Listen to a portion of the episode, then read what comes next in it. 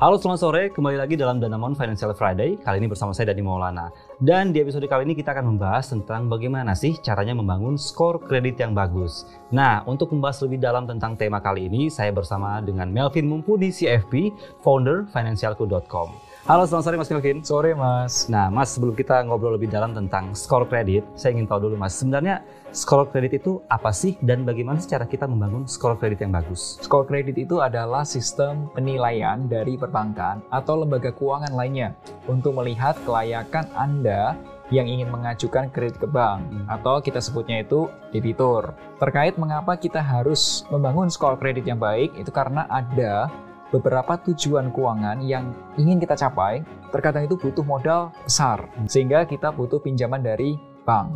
Oke, jadi skor kredit itu adalah tingkat penilaian. Nah, sebenarnya seperti apa sih tingkat penilaian itu, Mas? Berdasarkan peraturan dari Otoritas Jasa Keuangan atau OJK, itu ada lima penilaian skor kredit dalam sistem layanan informasi keuangan atau kita singkatnya itu SLIK atau SLIK.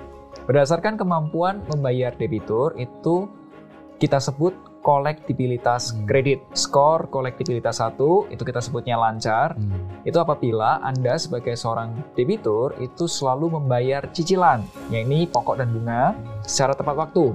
Jadi tidak ada tunggakan sama sekali. Skor kolektibilitas 5 itu kita sebutnya macet. Hmm. Itu apabila debitur menunggak pembayaran lebih dari 180 hari. Oh oke, okay. jadi berdasarkan tingkatan-tingkatan inilah jadi pertimbangan bank apakah memberikan pinjaman atau tidak ya Mas ya. Betul. Nah, lalu bagaimana jika seseorang ini tidak pernah punya pinjaman sama sekali atau bahkan dia nggak punya rekening bank? Dari lima skor kredit tersebut yang akan disetujui adalah skor kredit 1 dan skor kredit 2. Jika ada seseorang yang belum pernah mengajukan pinjaman atau bahkan tidak punya rekening tabungan, maka pihak bank belum memiliki data skor kredit. Lalu Mas Melvin, bagaimana sih kita mempunyai skor kredit? Misalnya belum pernah ngajuin pinjaman nih, atau belum punya rekening bank. Lalu bagaimana sih cara membangun skor kredit yang bagus?